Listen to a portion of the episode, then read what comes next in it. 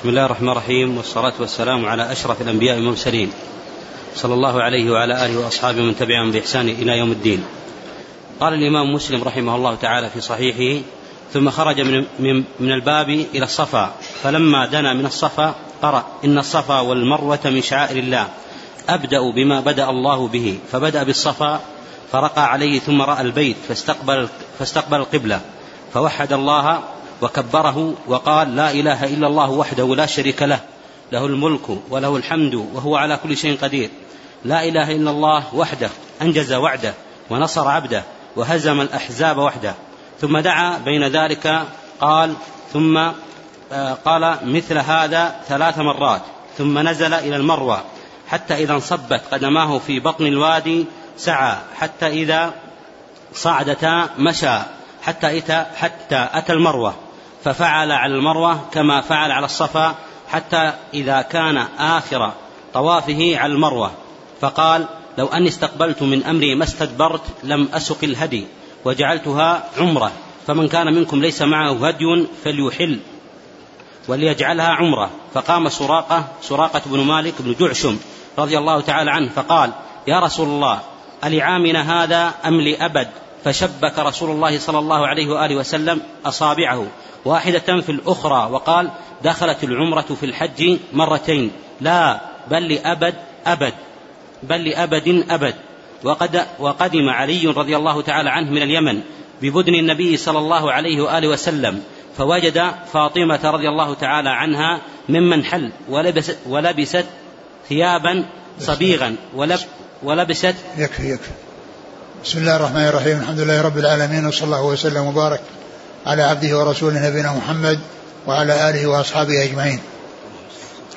أما بعد فنتابع الحديث في شرح في في شرح حديث جابر الطويل في صفة حج النبي عليه الصلاة والسلام. وقد سبق أن مر في الدرس الماضي ما يتعلق بأوله وفي يعني ونتكلم من حيث وقفنا بالأمس. وكان النبي عليه الصلاة والسلام آه، لما جاء إلى الصفا وصعد عليه ونزل إلى المروة نزل متجها المروة وصعد عليها ويعني وكذلك دعا يعني عند الصفا على الصفا ودعا عند المروة. وذكرنا فيما تقدم أن الصعود على الصفا وكذلك المروة أن هذا ليس به وأنما الواجب هو استيعاب ما بينهما يعني في السعي وأن الصعود عليهما عليهما سنة يعني وليس وليس بواجب. وكذلك أنه لما كان يعني عند المروة أمر الناس بأن يحلوا وأن أن يجعلوا ما تقدم عمرة وأن يكونوا متمتعين. ولما وجدوا في أنفسهم لكونهم يفعلون فعلا لم يكن موافقا لما فعله رسول الله عليه الصلاة والسلام بين السبب الذي يمنعه من الإحلال مثلهم وأن الذي منعه من ذلك كونه ساق الهدي ومن ساق الهدي فإنه يستمر على إحرامه إلى أن يبلغ الهدي أن يبلغ الهدي محله. وقد عزم على الناس يعني في ذلك وتحللوا واعتبروا ما مضى عمره وأحرموا في الحج يعني في اليوم الثامن. وذكر بعد ذلك أن علي رضي الله عنه قدم من اليمن قدم من اليمن ومعه بدن للرسول صلى الله عليه وسلم. وسبق أن مر في الدرس الماضي أو أول الدرس الماضي أن عليا قدم من سعايته والمراد بالسعاية والمراد بالسعاية يعني قيل أن المقصود بها العمل على الزكاة ولكن سبق أن مر بنا أن أهل البيت ليس لهم أن يأخذوا شيئا من من من الزكاة وليس لهم أن يتولوا يعني أعمال الزكاة ويأخذون أجورهم من ذلك كما حصل من الفضل بن عباس وعبد المطلب بن ربيعة بن الحارث حيث طلبوا من النبي صلى الله عليه وسلم أن يوليهم يعني على الصدقات ليحصلوا ما يتزوجون به. فقال عليه الصلاة والسلام إن الصدقة لا تحل لمحمد ولا لآل محمد.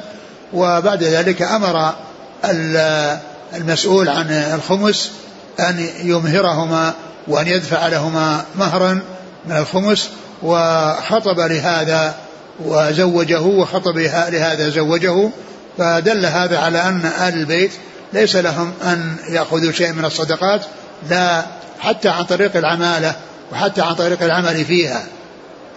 وإذا فقول آه، علي الحديث أنه قدم من سعايته على أن المقصود من ذلك العمل على الزكاة يعني معناه أنه عمل متبرعا وأنه لم يحصل أجرا لا يحصل أجرا على ذلك.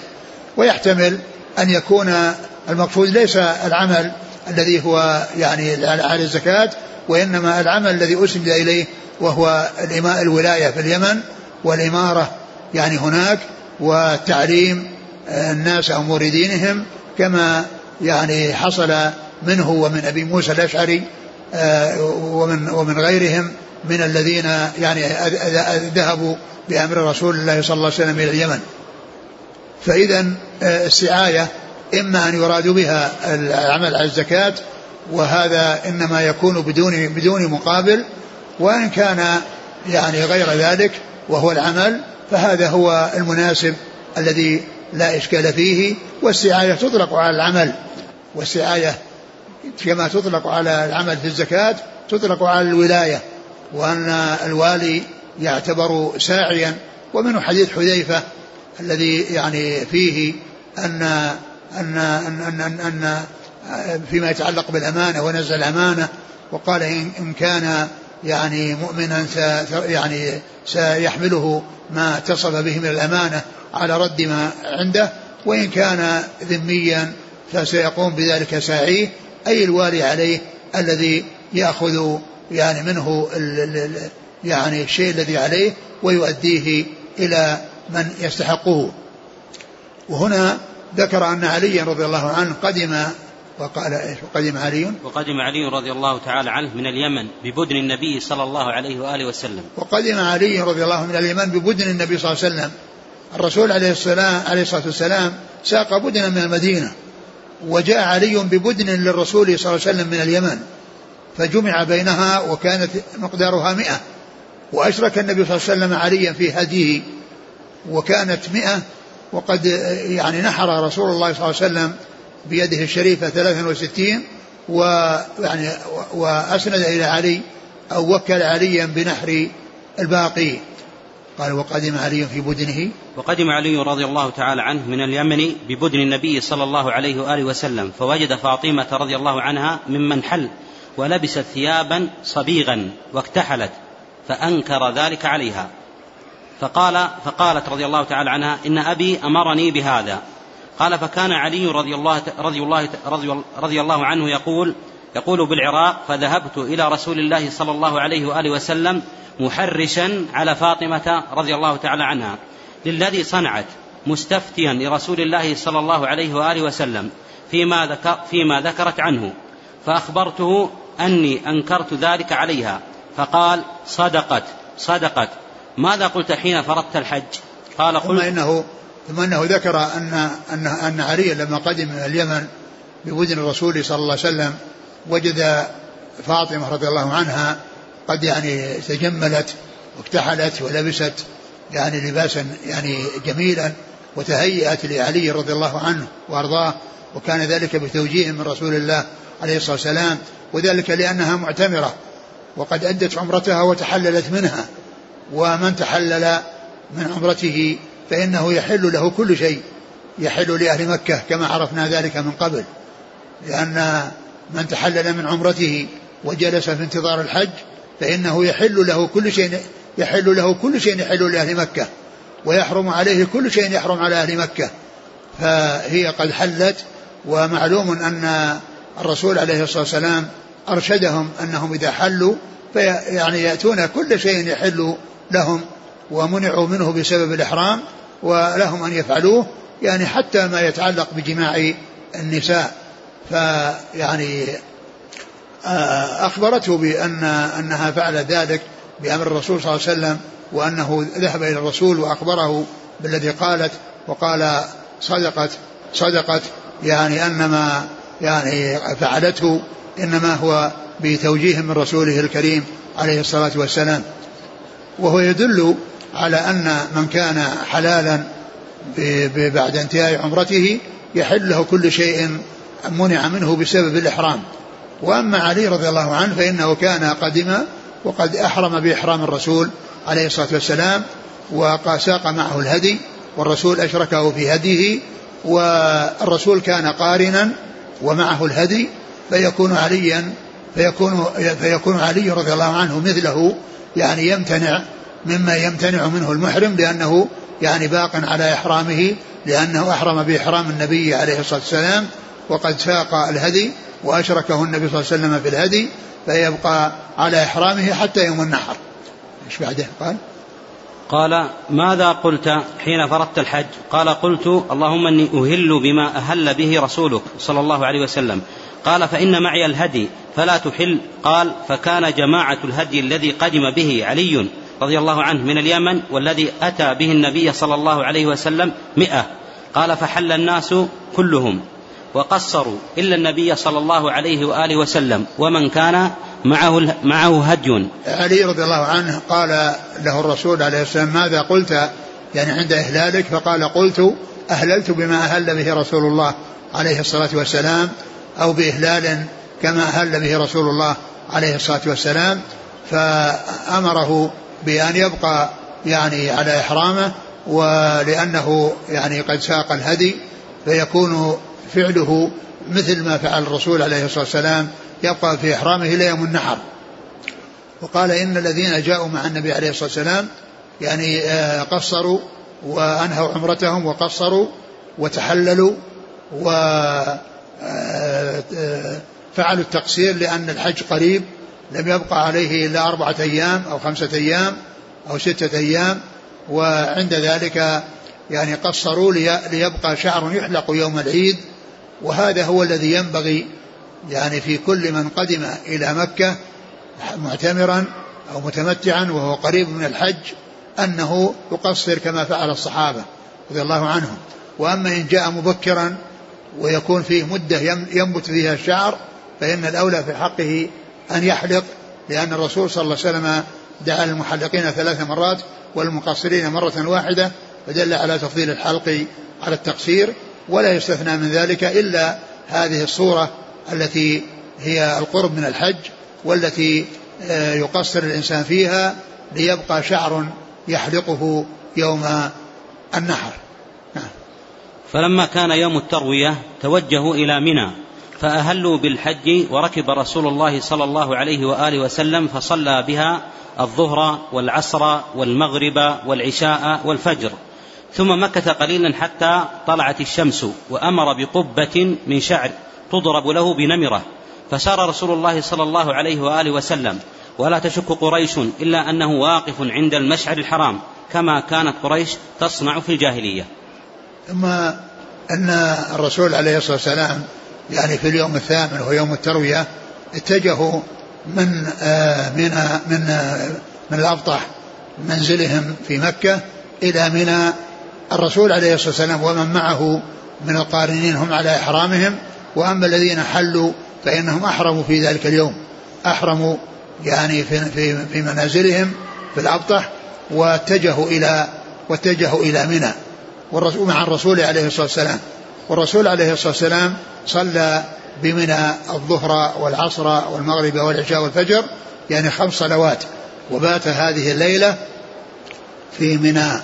والمبيت فيها سنة مستحبة وليس وليس ذلك بلازم يعني ليس المبيت بها بلازم فلو أن الإنسان لم يبت لم يبت فيها فإنه لا يترتب عليه شيء لا يلزمه شيء لأنه آه، لأن المبيت بها تلك الليلة سنة وليس من الأمور الواجبة التي يلزم الإنسان فعلها وإن لم يفعلها يكون عليه عليه فدية فإن هذا من الأمور المستحبة.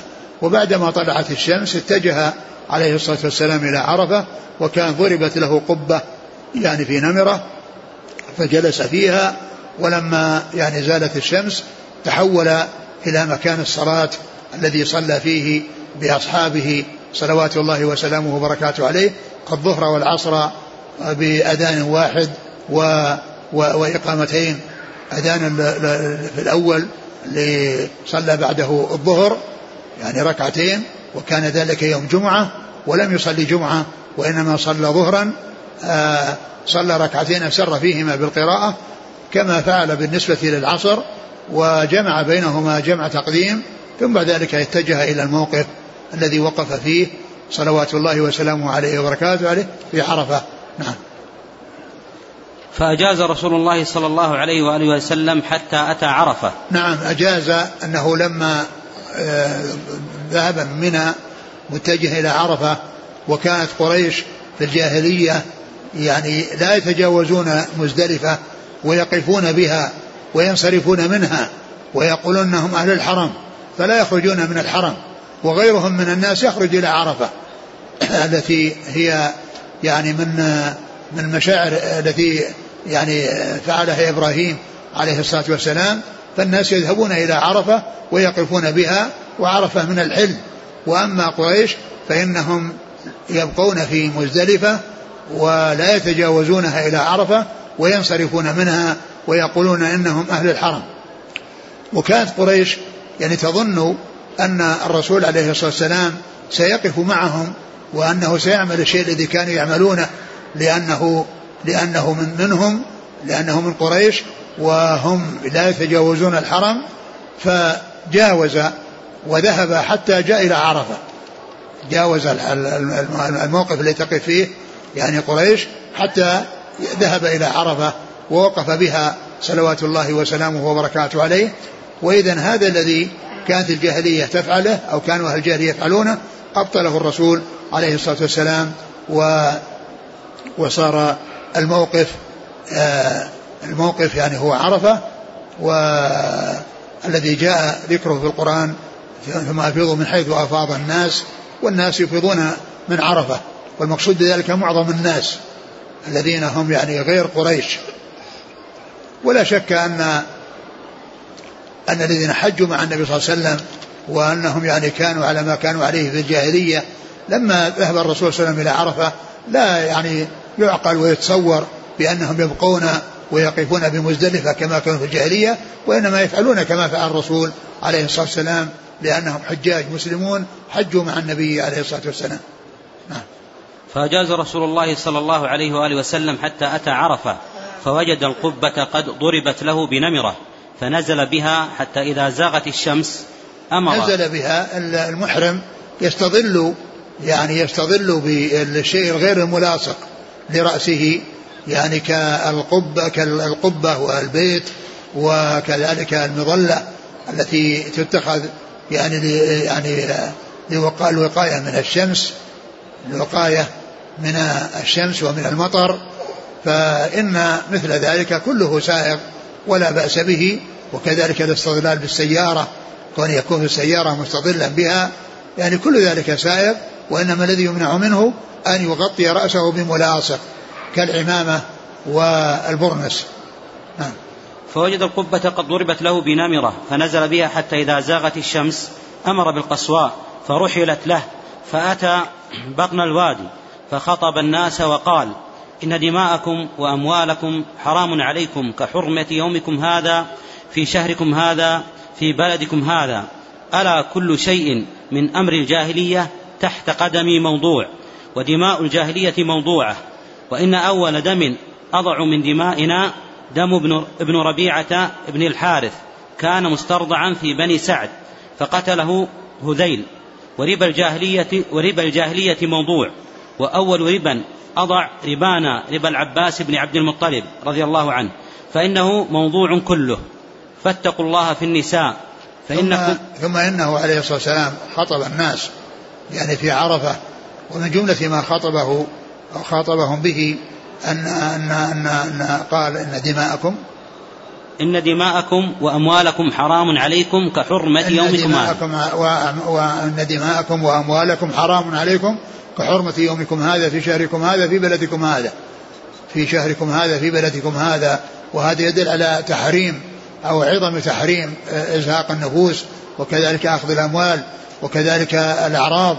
كل ذلك يعني فعله خطير في كل مكان ولكنه أخطر ما يكون إذا كان في الحرم وفي الأشهر الحرم أو في الحج يعني في شرف الزمان وشرف المكان. يعني آه، آه، يحذر أن يعني يعني يقع الناس في أمور محرمة حرمها الله عز وجل وبين عليه والسلام عظم حرمتها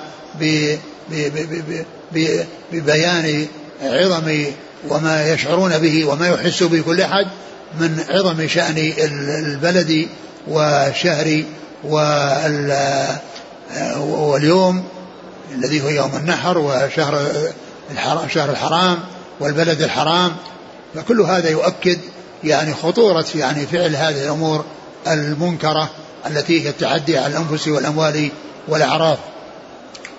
الذي ما هو أعرف كحرمة يومك هذا بعده. ألا كل شيء من أمر الجاهلية تحت قدم موضوع؟ ألا إن كل شيء من أمر الجاهلية تحت قدم موضوع. يعني الأشياء التي كان الناس يفعلونها في الجاهلية ويتعاطونها في الجاهلية فإنها موضوعة وأنه لا اعتبار لها وأنها انتهت ولم يبقى إلا الإسلام وما جاء به الرسول الكريم عليه الصلاة والسلام.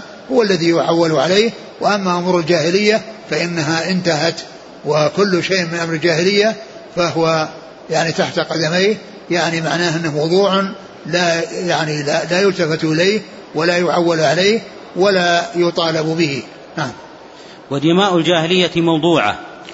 ودماء الجاهلية موضوعة. يعني الاقتتال الذي كان بين الناس الجاهلية وما بينهم من حزازات بسبب قتل بعضهم لبعض هذه الدماء موضوعة وكل شيء مضى في الجاهلية فإنه انتهى مع الجاهلية.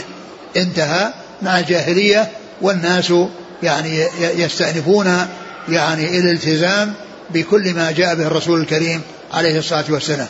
فدماء الجاهلية موضوعة يعني ما أحد يطالب بدم كان له على فلان أو عند القبيلة الفلانية بل كل ما مضى ذهب مع الجاهلية. كل ما مضى فإنه يذهب مع الجاهلية. نعم. وإن أول دم أضع من دمائنا دم ابن ربيعة بن الحارث. وهذا فيه بيان أن أن الرسول عليه الصلاة والسلام لما قال دماء الجاهلية موضوعة بدأ بالشيء الذي يتعلق بقرابته وبجماعته. وقال إن أول دم أضعه دم ابن ربيعة بن الحارث. وكان مسترضعا في بني سعد فقتلته هذيل. فقتلته هذيل فيعني فقال إن أول شيء أضعه ولا يطالب به لأنه حصل في الجاهلية وكان من الأمور التي انتهت مع الجاهلية يعني ما كان يتعلق بقرابته عليه الصلاة والسلام وهذا فيه بيان العدل والإنصاف وأن أنه عندما يعني يمنع شيئا أو ينهي شيئا فإن قرابته ومن كان من من أهل بيته وقرابته فإنه يبادر أو يعني آه، آه، أنه ينتهى منه ولا يطالب به. نعم. وربا الجاهلية موضوع وأول ربا أضع ربانا ربا العباس بن عبد المطلب. وكذلك ربا الجاهلية موضوع. يعني ربا الجاهلية هو الربا الزائد على رأس المال والزائد على الشيء الذي يعني كان يعني المباح. لأن فيه آه، يعني آه، أصل وفيه آه، ربا زائد على الأصل. فالأصل هو مباح ولكن الزيادة عليه التي هي الربا يعني موضوع. فكل ربا يعني كان في الجاهلية في موضوع وأول شيء نضعه ربا العباس يعني عم الرسول صلى الله عليه وسلم. فإنه موضوع كله. فاتقوا الله في النساء. فإنكم أخذتموهن بأمان الله واستحللتم فروجهن بكلمة الله ولكم عليهن ألا يوطئن فرشكم أحدا تكرهونه. فإن فعلن ذلك فاضربوهن ضربا غير مبرح ولهن عليكم رزقهن وكسوتهن بالمعروف. وقد تركت فيكم ما لن تضلوا بعده. وذكر وصيته صلى الله عليه وسلم بالنساء يعني بعد ذلك وهذا من كمال نصحه عليه الصلاة والسلام. للنساء الذين فيهم ضعف والذين قد يتعدى عليهم عليهم عليهن الرجال ولا يعطونهن الحقوق وإنما يعني آه، لضعفهن أوصى بهن خيرا عليه الصلاة والسلام في خطبته في في, في عرفة وأمرهم بأن يستوصوا بالنساء خيرا يعني وألا يعني يحصل منهم يعني أي شيء فيه مضرة لهن. قال فاستوصوا في النساء خيرا؟ قال فإنكم أخذتموهن بأمان الله واستحللتم فروجهن بكلمة الله. فإنكم أخذتموهن بأمان الله. واستحللتم فروجهن بكلمة الله. يعني أنكم أخذتموهن يعني بالزواج الذي يعني ربط بينكم وبينهن وحصل يعني ولايتكم عليهن وقيومية وقيامكم عليهن. إنما هو بالزواج. كما قال الله عز وجل الرجال قوامون على النساء بما فضل الله بعضهم على بعض وبما أنفقوا. من أموالهم.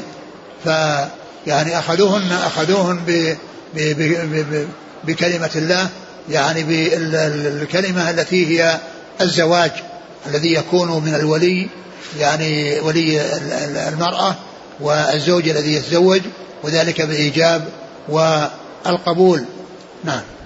ولكم عليهن ألا يطئن فرشكم أحدا تكرهونه.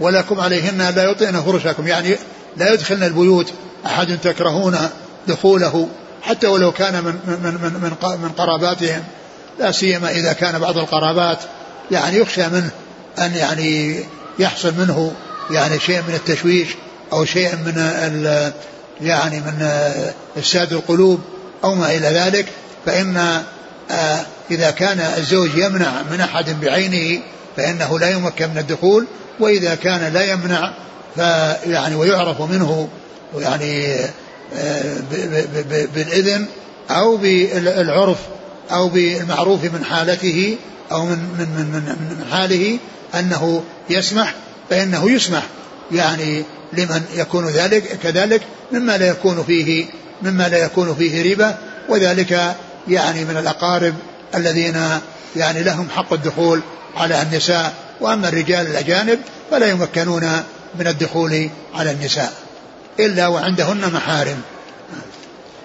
فإن, فإن فعلن ذلك فاضربوهن ضربا غير مبرح ولهن فعلن يعني هذا الذي يعني منعتموهن منه فاضربوهن ضربا غير مبرح. نعم. ولهن عليكم رزقهن وكسوتهن بالمعروف. ولكم عليهن رزقهن وكسوتهن بالمعروف عليكم أن ترزقوهن وعليكم الرزق الذي يعني الذي هو نفقة وكسوة وإطعام وغير ذلك مما هو مطلوب من الرجل للمرأة. الرزق والكسوة والطعام وغير ذلك مما تحتاج إليه المرأة مما هو لازم للزوج. نعم. وقد تركت فيكم ما لن تضلوا ما لن تضلوا بعده إن اعتصمتم به كتاب الله. ثم بين عليه الصلاة والسلام أنه تارك فيهم كتاب الله. كتاب الله عز وجل الذي أنزله على رسوله والذي فيه الهدى والنور. ومعلوم أن كتاب الله هو الكتاب العزيز وتدخل السنة يعني تبعا له في قول كما قال الله عز وجل وما آتاكم الرسول فخذوه وما نهاكم عنه فانتهوا. والمقصود من ذلك ترك فيهم الكتاب والسنة وما جاء به, به من عند الله عز وجل من الوحي الذي هو وحي متعبد بتلاوته وهو القرآن ومتعبد بالعمل وكذلك الوحي متعبد بالعمل به وهو السنة. نعم. وأنتم تسألون عني فما أنتم قائلون. قالوا نشهد أنك قد بلغت وأديت ونصحت. فقال بإصبعه السبابة يرفعها إلى السماء وينكتها إلى الناس. اللهم اشهد. اللهم اشهد. ثلاث مرات. ثم ذكر عليه السلام قال إنكم مسؤولون عني. إنكم مسؤولون عني يعني عن التبليغ وأنه بلغ الرسالة. فماذا أنتم قائلون؟ قالوا نشهد أنك قد بلغت وأديت ونصحت. فجعل عليه السلام يرفع إصبعه إلى السبابة إلى السماء ويقول اللهم اشهد يرفعها إلى السماء إلى الله عز وجل. والله عز وجل في السماء في العلو فوق العرش وينكتها عليهم أو ينكبها إليهم يعني معناه أن ينزل ينزلها إلى جهتهم وأن الله تعالى يستشهده عليهم يستشهده عليهم فيرفع إصبعه إلى إلى السماء يعني مستشهدا الله عز وجل الذي في السماء فوق العرش على عليهم في قولهم إنه قد بلغ وأدى ونصح. ثم أذن ثم أقام فصلى الظهر ثم أقام فصلى العصر ولم يصلي بينهما شيئا. يعني بعدما خطب هذه الخطبة التي قبل التي قبل الصلاة وقبل يعني الأذان يعني عندما فرغ منها أذن المؤذن وأقيمت الصلاة الظهر وصلاها ركعتين وكانت في ذلك اليوم يوم جمعة ولكنه صلاها ظهرا لأن المسافر لا لا يأتي بجمعة وبعد ذلك أقيمت الصلاة وصلى العصر وجمع يعني بين الوقتين في أول وقت الظهر. وهذا وهذا الجمع يعني يكون لجميع الحجاج سواء كانوا من أهل مكة أو من غير من أهل مكة لأن لأنهم إن كانوا من غير مكة فعندهم يعني شيئان السفر والنسك وأما أهل مكة فعندهم النسك فقط عندهم النسك فقط. ولهذا من كان خرج حاجا من أهل مكة فإنه يعني آه، حكمه حكم الحجاج. ومن خرج غير حاج يعني للخدمة وهو غير محرم فإنه ليس له أن ليس له أن يقصر وليس له أن يجمع لأنه ليس في ممن يحق له الجمع. وإنما يحق الجمع والقصر لمن خرج حاجا من, من, من مكة فإنه شأنه شأن الحجاج. الحجاج الذين جاءوا من الخارج من خارج مكة مسافرون وكذلك للنسك وأما أهل مكة وهو من أجل النسك فقط. نعم. ولم يصلي بينهما شيئا. يعني لم يتنفل لأن لم يتنفل بين الظهر والعصر. لم يتنفل بين الظهر والعصر وإنما أقيمت الظهر وصليت ثم أقيمت العصر وصليت ولم يصلي بينهما ثم ركب رسول الله صلى الله عليه وآله وسلم حتى أتى الموقف فجعل بطن ناقته القصواء إلى صخرة إلى الصخرات وجعل حبل المشاة بين يديه واستقبل القبلة فلم. إنه ذهب عليه السلام إلى المكان الذي وقف فيه بعرفة وكان وقف خلف جبل المسمى جبل الرحمة عند الصخرات الكبار وجعل حبل المشاة بين يديه. حبل المشاة يعني التل الذي يعني يمشي معه الناس. يعني هو يعني الحبل مقصود به يعني التل من الرمل. يعني لأن الجبل ما كان من الحجارة والحبل ما كان من الرمل. يعني جعله بين يديه يعني أمامه. وقد استقبل القبلة يعني عليه الصلاة والسلام. وقال لما وقف هناك قال وقفت ها هنا وعرفة كلها موقف وعرفة كلها موقف. يعني معنى ذلك أن هذا الموقف الذي وقف فيه الرسول صلى الله عليه وسلم لا ينحصر فيه الوقوف لأنه لا يسع أحدا وإنما وقف فيه الرسول ولكنه قال وقفت هنا أو ها هنا وعرفة كلها موقف وارفعوا عن بطن عرنة نعم. واستقبل القبلة فلم يزل واقفا حتى غربت الشمس وذهبت الصفرة وذهبت الصفرة قليلا حتى غاب القرص. ثم ذكر أنه استمر يعني في وقوفه من بعد الزوال يعني من بعد ما صلى الظهر والعصر في أول وقت الظهر وأنه ذهب إلى هذا المكان الذي هو مكان وقوفه عليه الصلاة والسلام وبقي فيه حتى غربت الشمس وغاب القرص يعني وتحقق وتحقق غروبها. نعم. وأردف أسامة خلفه ودفع رسول الله صلى الله عليه وسلم وقد شنق للقصواء الزمام حتى إن رأسها ليصيب مورك رحله. آه الرسول عليه الصلاة والسلام لما انصرف من الموقف في عرفة أردف معه أسامة بن زيد. أردف معه أسامة بن زيد إلى مزدلفة. أردف معه أسامة بن زيد إلى مزدلفة وهذا يدل على جواز الإرداف على الدابة يعني إذا كانت مطيقة و وشنق يعني لها الزمام. وقد شنق للقصواء الزمامة. يعني شنق الزمام يعني أنه يعني الخطام يعني أنه آه، يعني كان يعني يعني يجذبه حتى لا يحصل منها الإسراع حتى أن أنها حتى أن رأسها ليصيب مورك رحله. يعني حتى أن رأسها يقرب من المكان الذي فيه رجله من فوق الرحل يعني ومعنى ذلك أنه منعها يعني حتى لا يعني حتى لا يحصل منها السير والسرعة. نعم. ويقول بيده اليمنى أيها الناس السكينة السكينة. ويقول بيده اليمنى يؤشر لهم ويقول السكينة السكينة.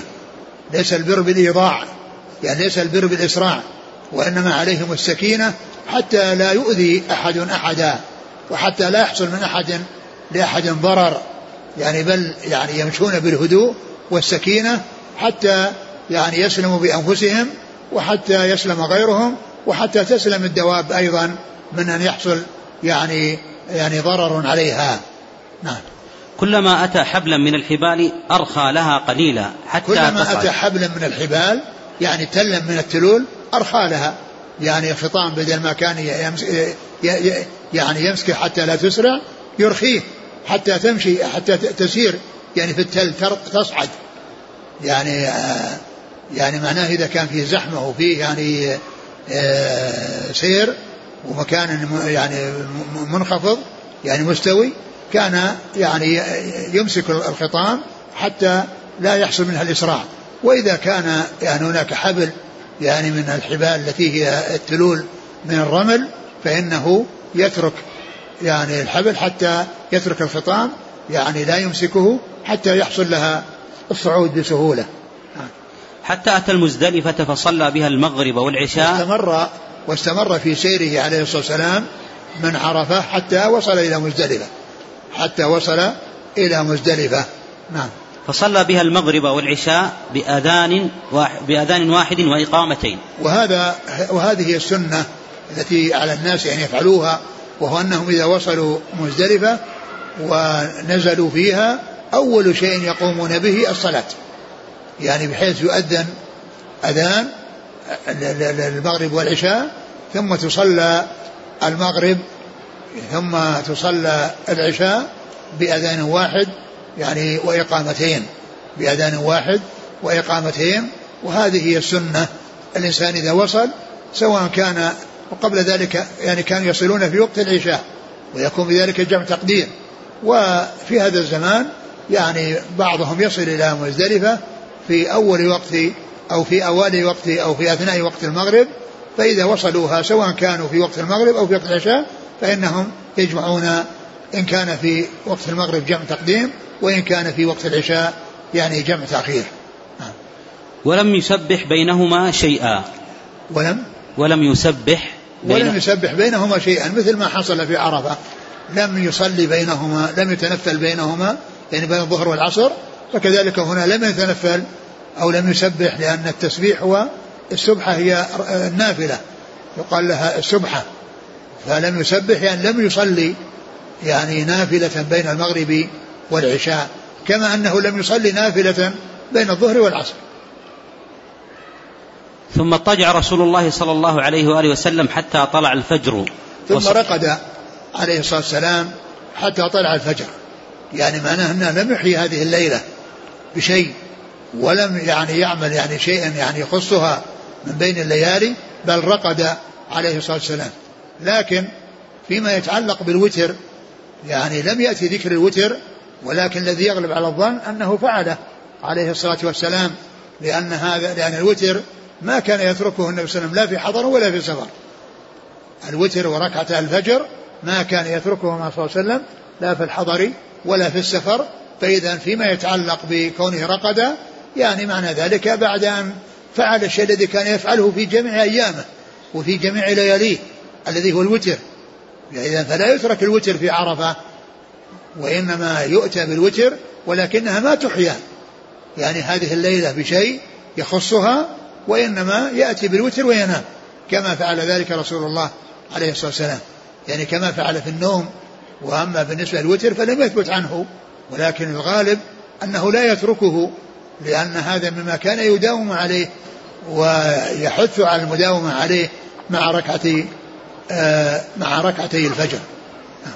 حتى طلع الفجر وصلى الفجر حين تبين له الصبح بأذان. يعني معناه أنه استمر حتى أول طلوع الفجر وصلى الظهر صلى وأذن لصلاة الفجر في أول وقتها وصلاها عليه الصلاة والسلام ب ب يعني في أول وقتها. نعم. بأذان وإقامة. بأذان وإقامة نعم. ثم ركب القصواء حتى أتى المشعر الحرام. فاستقبل القبلة فدعاه. أتى المشعر الحرام يعني أتى المكان الذي يقال له المشعر الحرام وهو الجبل الذي كان وقف عليه أو فيه الرسول عليه الصلاة والسلام.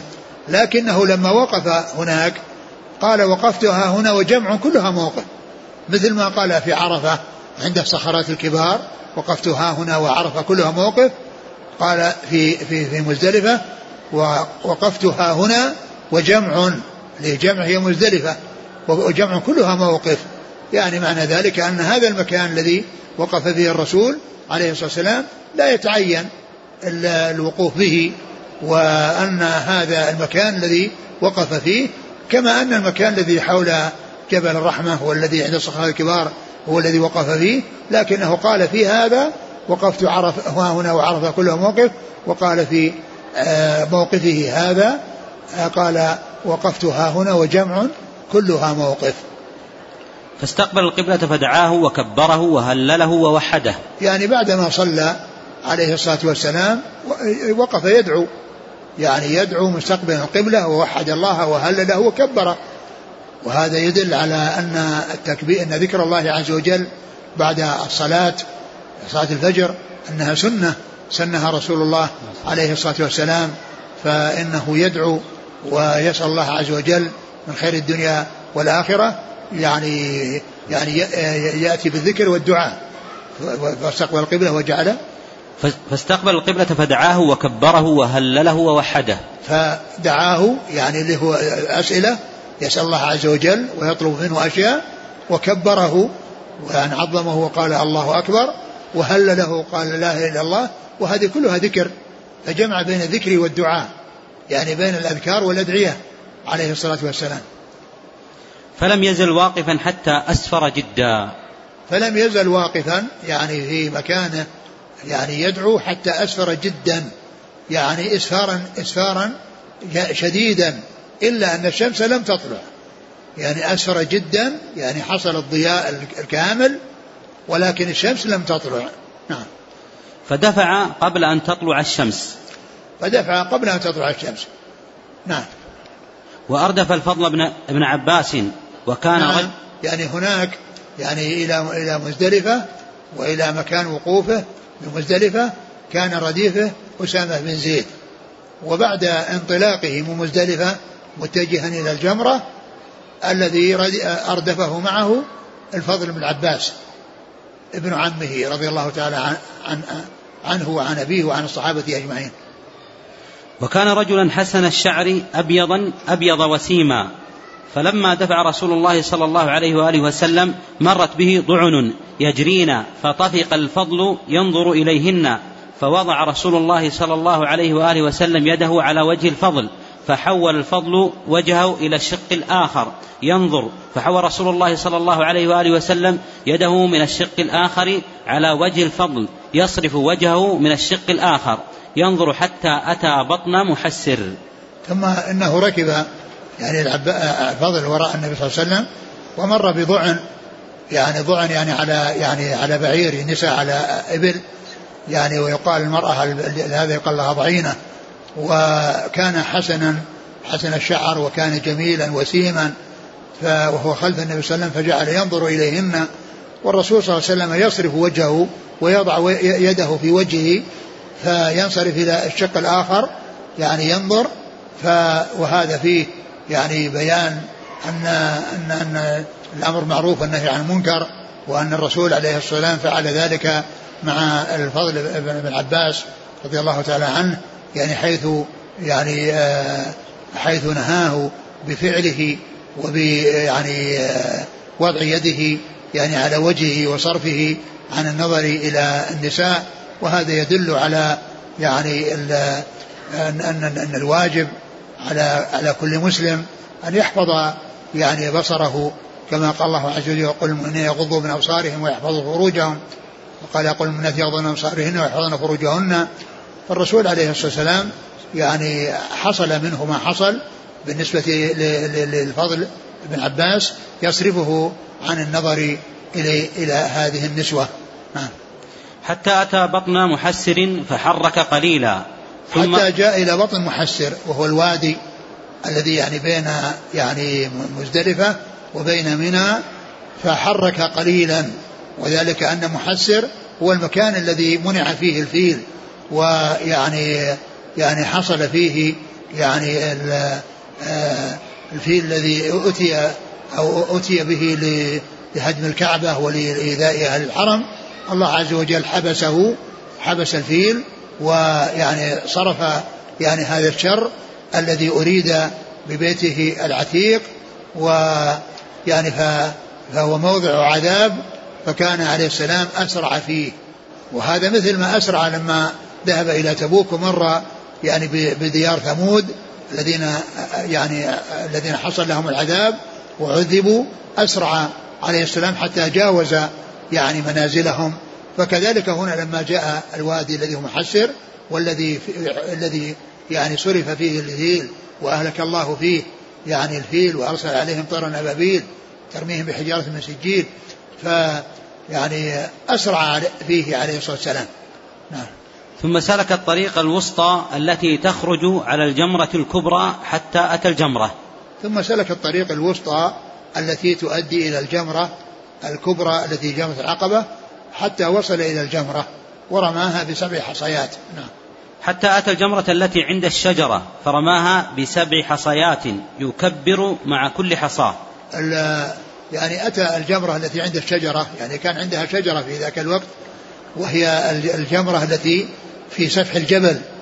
ولهذا قال لها جمرة العقبة لأنها يعني ملتصقة في الجبل. ولهذا لما أزيل الجبل يعني بقي يعني الذي يعني خارج الذي مكان الجبل بقي يعني مستقيما ما جعل فيه زاوية مستديرة يعني مثل ما كان لأن الجبل يعني كان ما فيه يعني ما يرمى يعني مكانه لا ليس محل الرمي. وإنما الرمي في المكان الذي الذي تحته والمكان الذي بجواره. ولهذا لما أزيل الجبل يعني بقي يعني الجهة التي لما الجبل يعني مستقيمة. يعني فصار نصف دائرة الذي فيما يتعلق بجمرة العقبة. نعم. فرماها بسبع حصيات يكبر مع كل حصاة منها. رماها بسبع حصيات. سبع حصيات وهذه الحصيات كان أخذها له الفضل بن العباس وهو في الطريق ولقط له سبع حصيات. وفي هذا دليل على أن الحصى لا يلزم أخذه من مزدلفة مثل ما يفعله بعض الناس. بعض الناس إذا وصلوا مزدلفة انتشروا في الأرض يلقطون الحصى. وكأن المهمة في مزدلفة لقط الحصى. بل المهمة في مزدلفة المبيت والبقاء فيها وحصول الصلاة صلاة الظهر العصر والمغرب فيها والبقاء إلى إلى صلاة الفجر والمكثي بعد ذلك حتى يعني تسفر يعني يحصل الإسفار جدا. ثم بعد ذلك ينطلقون.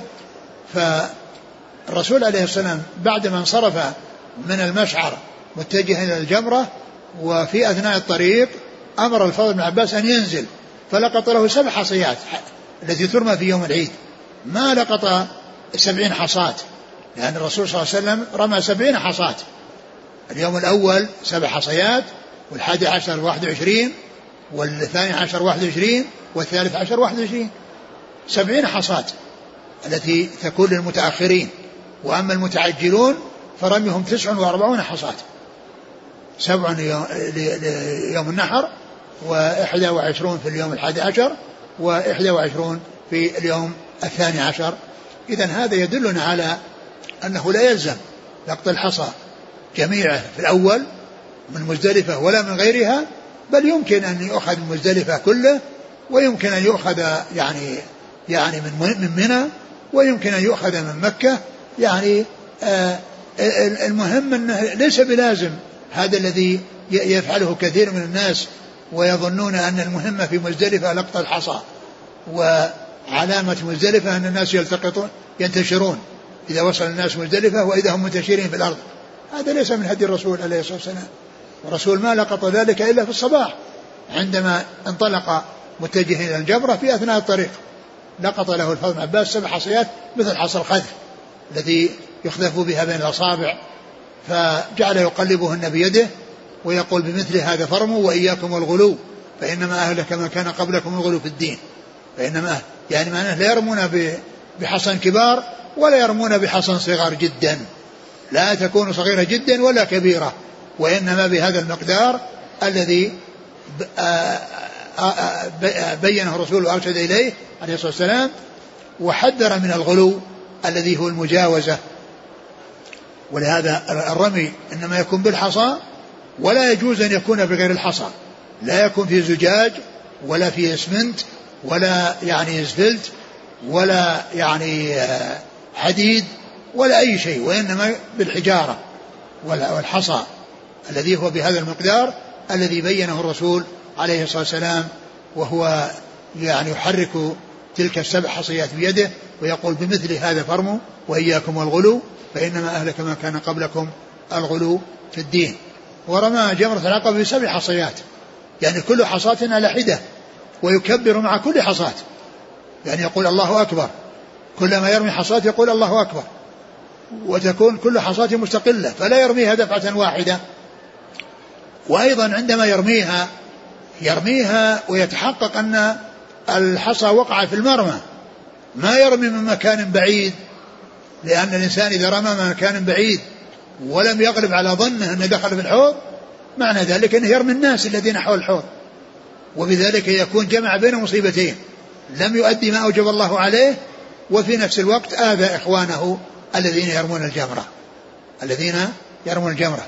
ولهذا فإن الحصى الذي يكون حول الجمرات هذا لم يرمى به رمي شرعي. لم يرمى به رمي شرعي. فالإنسان إذا نقص عليه حصى يمكن أن يأخذ من الأرض ويرمي. لأن هذا لم يرمى به شرعا. لأن هذا رمي في مكان بعيد وقع, وقع على رؤوس الناس. أو أنه سقط من, من, من الإنسان عندما كان يعني ينفلت من حصاته أو أكثر من حصاة وتقع في الأرض. الحاصل أنه لم يرمى به يعني هذا الذي يكون عند الجمرة وأنه يعني إما أن يقف على الحوض أو يكون قريبا منه بحيث يتحقق أن الحصى وقع في الحوض وأن يكبر مع كل حصاة ولا يرميه دفعة واحدة لأنه لو رمى دفعة واحدة ما أجزى إلا عن حصاة واحدة. نعم. يكبر مع كل حصاة منها مثل حصى الخذف. رمى من بطن الوادي. ثم رمى, رمى من بطن الوادي. يعني هذا المكان الذي رمى من منه النبي عليه الصلاة والسلام. يعني من بطن الوادي بحيث جعل مكة عن يساره ومنى عن يمينه. يعني هذا المكان الذي رمى منه الرسول عليه الصلاة والسلام. ولكنه يجوز الرمي من جميع الجهات. ولكن المهم أن يقع في الحوض من جميع الجهات. لا يلزم أن يكون من هذا المكان لكن هذا مستحب. ولهذا ابن مسعود رضي الله عنه لما رمى الجمرة وجعل مكة عن يساره ومنى عن يمينه وقال هذا مقام الذي أنزلت عليه سورة البقرة. هذا مقام الذي أنزلت عليه سورة البقرة عليه الصلاة والسلام. ذكر سورة البقرة لأن فيها ذكر وذكر الله في أيام معدودات. وذكر الله عز وجل منه رمي الجمار. وذكر الله عز وجل فيه رمي الجمار أو منه رمي الجمار فإذا قال مقام الذي أنزل في سورة البقرة التي ذكر فيها يعني أعمال الحج ومنها رمي الجمار. نعم. ثم انصرف إلى المنحر فنحر ثلاثا وستين بيده. ثم أعطى عليا فنحر ما غبر وأشركه نعم وأشركه. وأشركه في هديه. ثم إن الرسول صلى الله عليه وسلم بعد ما رمى الجمرة ذهب إلى المنحر ونحر هديه وذهر بيده ثلاثا وستين. ووك وأسند إلى علي أو وكل علي بنحر الباقي. الذي هو تمام المئة. الذي هو تمام المئة وأشركه في هديه وأشركه يعني في هديه معلوم أن هذا الذي أهداه الرسول عليه الصلاة والسلام هو تطوع لأن النسك الذي يجب على الحجاج القارنين والمتمتعين شاة أو سبع بدن أو سبع بقرة. هذا هو الواجب. وما زاد على ذلك هو تطوع. فإذا هذه الإبل الكثيرة التي أهداها الرسول عليه السلام إلى الحرم والتي يعني نحرها 63 بيده والباقي نحره علي. هذا تطوع. و والله عز وجل أخبر بأن من تمتع بمثل الحج فما استيسر من الهدي. والمستيسر من الهدي هو شاة أو سبع بدنها أو سبع بقرة. وإذا هذا الذي فعله الرسول عليه السلام هو من قبيل التطوع. نعم. ثم أمر من كل بدنة وأمر عليا بأنحر ما غبر. يعني وغبر هنا معنى باقي الذي بقي. الباقي وقد سبق أن مر بنا أن غبر تأتي للماضي وللمستقبل للماضي وللباقي وأنها من الأضداد تستعمل فيما مضى وفي يعني ما بعد ذلك وفيما يأتي. ف يعني غبرة تستعمل في الأشياء في, في, الماضي يقال غبر يعني مضى وتستعمل يقال غبر في الشيء الذي يعني بقي. يعني والذي بقي يعني هو ما زاد على الثلاث وستين هو الذي بقي من هذه الإبل التي لم ينحرها رسول الله عليه الصلاة والسلام. ثم أمر من كل بدنة ببضعة فجعلت في قدر فطبخت فأكلا من لحمها وشربا من مرقها. ثم إن النبي عليه الصلاة والسلام أمر بأن هذه الهدي اللي هو مئة أن يؤخذ من كل بدنة بضعة يعني قطعة من اللحم فجمعت هذه القطع المئة وطبخت في قدر فشربا أي علي الرسول صلى الله عليه وسلم وعلي لأن الهدي لهما فشرب من مرقه وأكل من لحمه. يعني شرب من المرق والمرق يعني متحلل من جميع يعني هذه القطع. المرق متحلل من جميع هذه القطع. وأما اللحم أكل ما أمكنهما أو ما تيسر لأنه لا يمكن أن يأكلوا مئة قطعة. يعني هذه كثيرة وإنما الذي حصل هو استعمال المرق لأن المرق حصل من جميع القطع ومن جميع الهدي وإنما والأكل إنما يكون من بعض الهدي وهذا يدلنا على أن الهدي أو الأكل من الهدي ليس بلازم لأنهما يعني كما كما هو معلوم ما أكل يعني من كل بضعة وإنما أكل من بعض بعض الهدي ولكن الذي حصل شرب المرق وهذا من جميع وهذا من جميع الهدي. ولهذا فإنه لا يلزم أن يكون الإنسان يأكل من هديه مثل ما يفعل الآن الناس يعطون البنك الإسلامي ليقوم بنحر الهدي لهم وهم لا لا يأكلونه ولا يرونه. ليس بلازم الأكل الأكل ليس بلازم. والرسول عليه السلام كان يرسل الهدي وهو بالمدينة وينحر بمكة ولا يأكل منه شيء. ولا ولا يأكل منه شيء عليه الصلاة والسلام. لكن إذا يعني آه، تيسر أنه يعني يأكل منه هذا شيء طيب وإن لم يتيسر فإنه ليس بلازم. نعم. ثم ركب رسول الله صلى الله عليه وآله وسلم فأفاض إلى البيت فصلى بمكة الظهر. ثم؟ ثم ركب رسول الله صلى الله عليه وآله وسلم فأفاض إلى البيت. يعني الرسول عليه السلام حصل منه أنه رمى ونحر هديه ثم حلق. يعني ثلاثة أمور يعني من أعمال يوم النحر الأربعة يعني فعله الرسول صلى الله عليه وسلم رمى الجمرة ونحر هديه وحلق رأسه ثم اتجه إلى مكة وطاف طواف الإفاضة عليه الصلاة والسلام. وهذه أعمال يوم النحر الأربعة رمي فنحر فحلق فطواف. ويجمعها كلمة رنحط يعني الحروف التي في رنحط يعني الراء للرمي والنون للنحر والحاء للحلق والطاء للطواف. يعني مرتبة ترتيب هذه الحروف. لأن بعض الناس يعني قد يلتبس عليه هذا مقدم وهذا مؤخر لكن إذا حفظ هذه الكلمة وعرف حروفها فإنه يعرف ترتيب هذه الأعمال بمعرفة هذه الحروف. الراء للرمي والنون للنحر والحال للحلق والطاء للطواف. فهو عليه الصلاة والسلام يعني رمى ثم نحر ثم حلق. وبعد حلقه وإرادة ذهابه إلى مكة آه، كانت عائشة تطيبه كما سبق أن مر في الأحاديث التي مرت عند الإحرام. قال كانت عائشة كنت أطيب رسول لإحرامه قبل أن يحرم ولحله قبل أن يطوف البيت. ولحله قبل أن يطوف البيت يعني بعدما رمى الجمرة وحلق رأسه ويعني لبس ثيابه وتحلل طيبته لأنه إذا حصل الرمي والحلق يعني عند ذلك يحصل كل شيء يعني منع منه بالإحرام إلا النساء. وإذا حصل الطواف الذي هو يعني آه، المكمل لهذه الأشياء فإنه يحل كل شيء حتى حتى النساء. وهذه الأمور الأربعة التي هي أعمال يوم النحر. رتبها رسول الله صلى الله عليه وسلم هذا الترتيب الذي يتعلق بالتحلل منها ثلاثة. وأما النحر فلا علاقة له بالتحلل وإنما التحلل هو أمور ثلاثة الرمي والحلق والطواف والسعي بعده لمن كان عليه سعي. وأما النحر فإنه لا علاقة له بالتحلل لأن أولا بعض الحجاج ما عليهم نحر وهم المفردون. وإنما التحلل في أمور ثلاثة لازمة لإجماع الحجاج.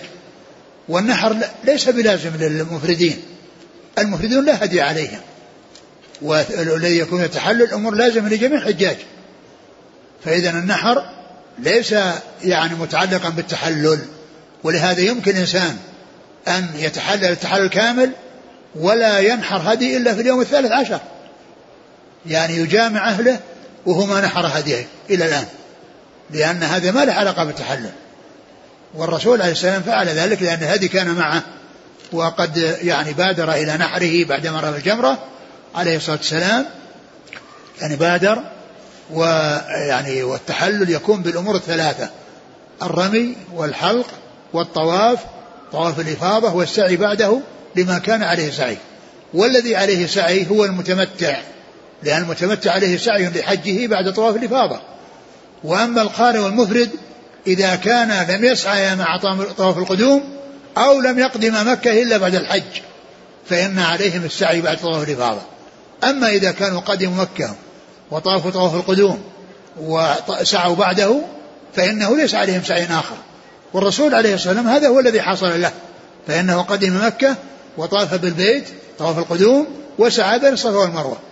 وبعد الحج طاف ولم يسعى لأن القارن والمفرد ليس عليهما إلا سعي واحد له محلان محل بعد القدوم ومحل بعد الإفاضة.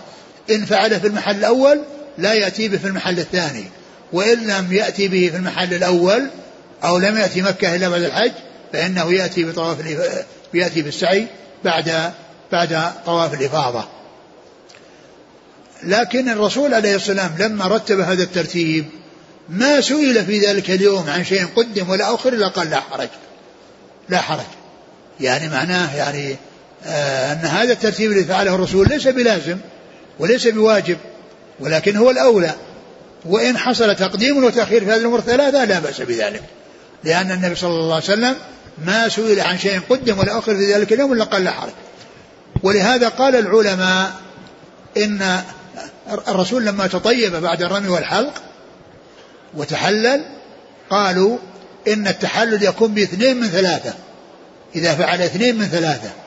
والسبب في ذلك أن الرسول ما سئل عن شيء قدم قال لا حرج. فلهذا قالوا اثنين من ثلاثة. لأن التقديم والتأخير سائر فإذا فعل اثنين يكون التحلل كما حصل من الرسول صلى الله عليه وسلم كونه رمى وحلق وبعد ذلك تحلل. ولهذا يجوز يعني من قدم من مزدلفة يعني من الناس الذين معهم نساء ويخشون أن يحصل لهن الحيض يعني إذا ذهبوا من من مزدلفة إلى مكة وطافوا طواف الإفاضة وسعوا بين الصفا والمروة إذا كان عليهم سعي ثم رجعوا إلى منى لا بأس بذلك لأن الرسول عليه السلام ما سئل عن شيء قدم ولا أخر من هذه الأعمال لقال لا حرج. فدل على أن التقديم والتأخير جائز ولكن الأفضل ما فعله الرسول عليه الصلاة والسلام من الرمي والحلق و و والطواف. فصلى بمكة الظهر فأتى بني عبد المطلب يسقون على زمزم. يعني عليه الصلاة والسلام لما يعني ذهب إلى مكة يعني بعد رمى بعدما رمى ونحر وحلق ذهب إلى مكة ليطوف طواف الإفاضة. فلما وصل مكة وصلها قبل الظهر. يعني وصل طاف قبل الظهر. ثم يعني جاء وقت الظهر وهو في مكة فصلى بهم الظهر عليه الصلاة والسلام. صلى الظهر يعني بمكة. نعم فأتى بني عبد المطلب يسقون على زمزم فقال انزعوا بني عبد المطلب فلولا أن يغلبكم الناس على سقايتكم لنزعت معكم فناولوه دلوا فشرب منه. الرسول عليه الصلاة والسلام صلى الظهر بمنى بمكة. وثبت أيضا أنه صلى في منى الظهر. وقد يعني وفي هذا اختلاف يعني يعني هذا يعني هذا يعني لا بد من الجمع بينهما. لأن الرسول ثبت أنه صلى الظهر بمكة وثبت أنه صلى الظهر بمنى. فكيف يوفق بينهما؟ أحسن ما قيل في التوفيق بينهما أن الرسول عليه الصلاة والسلام طاف قبل الظهر ودخل ودخل وقت الظهر فصلى الظهر ثم إنه ذهب إلى منى بعد الصلاة والناس كانوا ينتظرونه. لم يصلوا في انتظاره عليه الصلاة والسلام فصلى بهم. فتكون صلاته الثانية نافلة. صلى بهم صلى فرضه هو بمكة وصلى الصلاة الثانية بمنى بأصحابه فهو متنفل وهم مفترضون. هو متنفل وهم مفترضون لأنهم كانوا في انتظاره. فصلى بهم عليه الصلاة والسلام. فيصدق على هذا أنه صلى بمنى وأنه صلى بمكة ولكن صلاته بمكة هي الفريضة. وصلاة بمنى هي النافلة. وهذا يشبه ما ثبت في صلاة الخوف في إحدى صلاة الخوف الصحيحة أن الرسول عليه الصلاة والسلام صلى بمجمع جعلهم مجموعتين مجموعة صلى بهم ركعتين وسلم ثم ذهبت. وجاءت المجموعة الثانية وصلى بهم ركعتين وسلم. فصارت صلاته بالأولى فريضة له عليه الصلاة والسلام وصلاته بالمجموعة الثانية نافلة له عليه الصلاة والسلام فتكون هذه تشبه هذه. فيكون ما فعله بمكة وفي منى هو من قبيل ما فعله في صلاة الخوف بحيث يكون صلاته الأولى مفترض والصلاة الثانية متنفل ثم إنه يعني ذهب إلى يعني السقاية وإلى السقاية وإلى زمزم وهذا يعني قام بها العباس بن عبد المطلب. فيعني لما جاء شرب ناولوه يعني دلوا وشرب منها عليه الصلاة والسلام وقال لو لولا أن يغلبكم الناس لنزعت معكم. يعني لولا أن الناس يخشى أن الناس ينافسون يعني في, في, في, في يعني ينافسون يعني هؤلاء الذين كانوا يتولونها في الجاهلية واستمروا عليها في الإسلام وأن وهي سقاية الحجاج يعني بحيث يخرجون الماء ويجعلونه في أحواض والناس يأتون ويشربون. يعني وهذه خدمة للحجاج. قال لو لولا أن يغلبكم الناس يعني بأن الرسول فعل هذا الفعل والناس يريدون أن يفعلوا كما فعل فيعني يزاحمونهم على هذه المهنة ويعني يضيق عليهم فيها لفعل عليه السلام ولكنه لم يفعل. يعني حتى لا يحصل من الناس يعني هذا الذي يخشاه رسول الله عليه الصلاة والسلام ولكنه شرب من ماء زمزم عليه الصلاة والسلام. وش بعده انتهى. فناولوه دلوا فشرب منه. نعم. فناولوه دلوا فشرب منه. فناولوه دلوا انتهى الحديث. انتهى الحديث. فناولوه دلوا وشرب منه. صلوات الله وسلامه وبركاته عليه. وهناك يعني آه، آه، طرق أخرى يعني تأتي بعد هذا الحديث وهي من طريق يعني علي آه، جعفر بن محمد عن أبيه محمد عن جابر. وستأتي إن شاء الله في الدرس القادم. والله تعالى أعلم. وصلى الله وسلم وبارك على عبده ورسوله نبينا محمد. وعلى آله وأصحابه أجمعين. الإسناد شيخنا؟ نعم. إسناد الحديث. نعم. قال الإمام مسلم حدثنا أبو بكر بن أبي شيبة وإسحاق بن إبراهيم. إسحاق بن إبراهيم إسحاق بن إبراهيم بن راهوية. جميعا عن حاتم. قال أبو بكر حدثنا حاتم بن إسماعيل المدني عن جعفر بن محمد. جعفر بن محمد بن علي بن حسين يعني هذان من أهل البيت. يعني جعفر بن محمد عن أبيه محمد بن علي بن حسين عن جابر رضي الله تعالى يعني عنهما فهذا إسناد فيه رجلان من أهل البيت أهل بيت الرسول عليه الصلاة والسلام يعني جعفر بن محمد وأبوه محمد بن علي بن حسين رحمة الله عليهما. عن جابر رضي الله تعالى عنهما نعم. عن جابر رضي الله نعم. تعالى عنه. جابر بن عبد الله الأنصاري رضي الله تعالى عنه. جزاكم الله خيرا وشافاكم الله وعافاكم وغفر الله لنا ولكم ولجميع المسلمين. آمين.